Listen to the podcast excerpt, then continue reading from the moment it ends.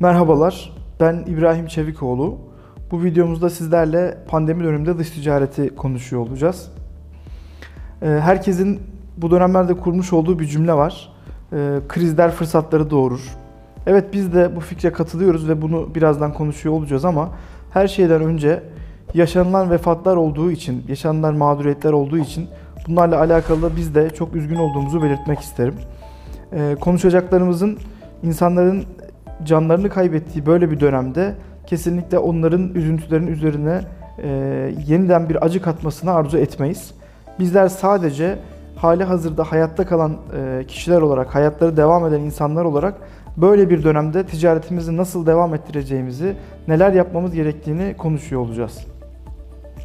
Şimdi pandemi dönemi diyoruz ama 2018 döneminden beri Türkiye'miz için e, gündemde olan dövizin yükselmesi konusu ve özellikle son dönemde bugünlerde iyice atağa kalkan döviz kurlarından dolayı ayrıca bir e, durumun içerisindeyiz. Bu iki durumu hem pandemiyi hem de dövizin yükselmesi durumunu birlikte ele aldığımız zaman e, bazı sıkıntılar e, baş gösteriyor. Son dönemde artık ülkeler iç piyasadan alım yapmak istiyorlar. İç piyasalar öne çıktı. Tedariklere ulaşmak ciddi artık sorun teşkil ediyor.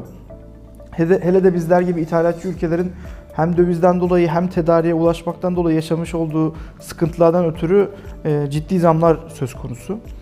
Ve belki de en önemlisi seyahat yapamıyor olmamızdan kaynaklı bizler ihracat için veya dış ticaret için e, ciddi anlamda bir yara almış durumdayız.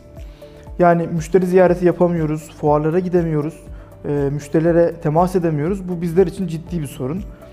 E, bunu aşmak için neler yapmak lazım konuşuyor olacağız ama yakın dönemdeki gelişmelere şöyle bir bakacak olursak, sanal ticaretin, e-ticaretin öne çıkmasıyla beraber e, e-ticaret yapmaya çalışan yeni girişimciler, işte sokaklara çıkamayan insanlara hizmet vermeye çalışan e-manavlar, e-marketler, e, öne çıkan e, sağlık ürünleriyle alakalı genel konuşacak olursak medikal sektörünün e, ciddi anlamda canlanışı, Çin'den alım yapmakta olan ülkelerin alternatif tedariklere e, yönelmesi, bunun dışında turizm sektörünün e, veya uluslararası ticaretteki özellikle lojistik sektörünün ciddi anlamda bir e, sorun yaşaması, taşımacılığın ciddi anlamda sorun yaşaması, bir yandan elektronik ortama taşınan çok kaliteli eğitimler ve bazı avantajlar.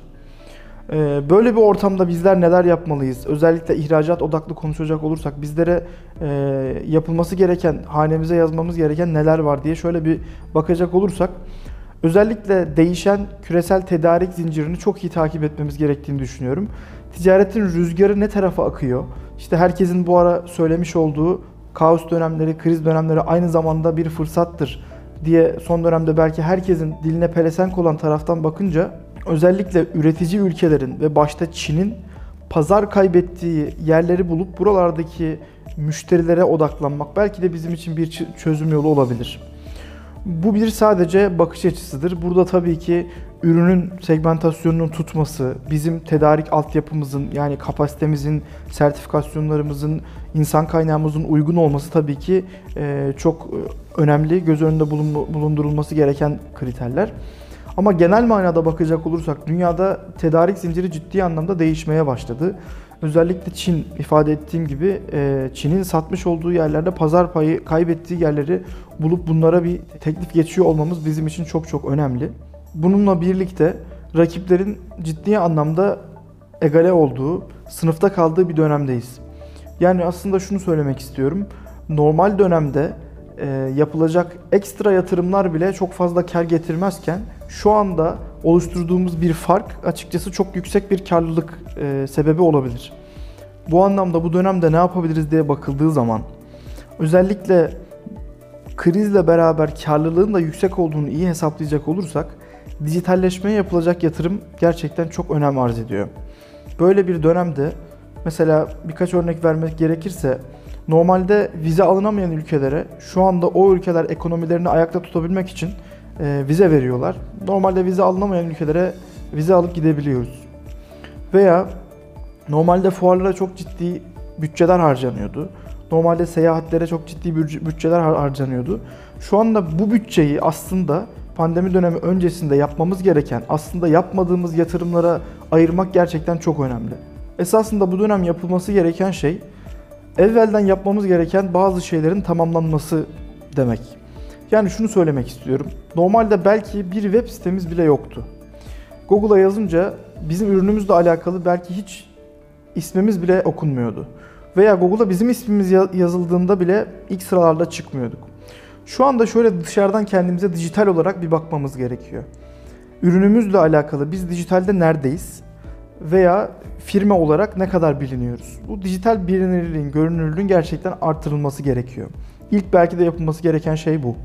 Ama burada dikkat etmemiz gereken şey şudur. Bizler perakende ticaretin değil, toptan ticaretin dinamikleriyle hareket eden e, ticaret unsurlarıyız. Şimdi bizim çalışma şekillerimizde özellikle son tüketici değil, son tüketiciden bir önceki alıcı yani toptancı veya ithalatçıyla biz muhatap olmaya çalışıyoruz ihracatta. Dolayısıyla onların tercihleri bizim için daha kıymetli olacak. Bu anlamda perakende ticaret için yapılan pazar araştırmaları veya trendlerle bizim konumlandırdığımız nokta aynı değil. Bunu unutmamak lazım. Yani belki mikro ihracat veya e-ihracat gibi küçük e, ölçekli ticaretler için de belli başlı tutarlı şeyler olabilir ama bizler araştırmalarımızı yaparken, yatırımlarımızı yaparken, dijital çalışmalarımızı yaparken toptan ticarete uygun olarak, e, ihracata, geleneksel ihracata uygun olarak hazırlıklar yapmalıyız. Bu anlamda dijitalin altında bazı unsurlar var. Bir kısmı bilinirlikle alakalı faaliyetler. Mesela sanal ticaret heyetleri oluyor. Bunlara belki katılmak mümkün olabilir.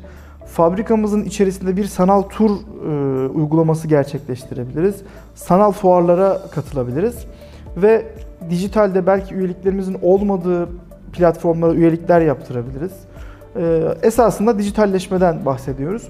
Ama bizim ihracat için belki de en önemli kısımlardan bir tanesi e, başka bir videoda da bahsetmiş olduğumuz e, temassız olarak yani bir sahaya gitmeden önce altyapısını hazırlamak için kullandığımız ticari istihbaratın altındaki dış ticaret istihbaratı ve yeni nesil müşteri bulma yöntemlerini kullanarak henüz şu anda sahaya gidemiyor olsak da oradan müşteriler bulabilmek, oradan yeni firmalarla iletişime geçebilmek çok kritik öneme sahip. Özellikle böyle bir dönemde e, temassız ticaretin öne çıktığı, saha ziyaretlerini yapamadığımız bir dönemde tabiri caizse deyim yerinde ise masa başında müşteri bulma yöntemlerini artık daha çok kullanıyor olmamız gerekiyor. Bu anlamda az önce ifade ettiğim gibi yine ticari istihbarat eğitimi, ticari istihbaratın önemi ciddi anlamda öne çıkmakta. Diğer bir açıdan bakacak olursak, esasında bu ticari istihbarat altyapı yatırımını bizler pandemi dönemi olmasaydı bile yapmamız gerekiyordu. Ancak bu dönem bizi buna mecbur bıraktı. Bana sorarsanız iyi ki de bıraktı. Çünkü normalde fuarlara ayırmış olduğumuz bütçeyle veya yurt dışı seyahatlerine ayırmış olduğumuz bütçeyle bir ticari istihbarat altyapısındaki üyeliklere verdiğimiz bütçeler gerçekten kıyaslanmayacak derecede farklı. Yani fuar bütçesinin belki yarısı kadar bir bütçeyle e, bu tarafta yapılabilecek bir altyapı yatırımıyla belki de oturduğumuz yerden ciddi bir müşteri kitlesi edinebiliriz. Bu anlamda yapılacak yatırımları kesinlikle lüks görmemeli, bu dönemin mecburiyeti olarak görerek belli altyapı yatırımlarını da yapmamız gerekiyor. Ee, bizler şu ana kadar belki dijitalde iyi bilinmiyor olabiliriz ama şu dönemi birazcık daha fırsata çevirmek suretiyle dijital altyapılarımızı kuvvetlendirerek yeni döneme ki daha da devam edecek gibi gözüküyor bu pandemi süreci maalesef. Yeni dönemde ticaretlerimizi daha sürdürülebilir ve ayakta kalmanın en önemli unsurlarını yerine getirmiş olacağız. Konuyla ilgili sorularınız için web sitemizden bizlere ulaşabilirsiniz. Videomuzu izlediğiniz için teşekkür ediyorum. Bir sonraki videoda görüşmek üzere.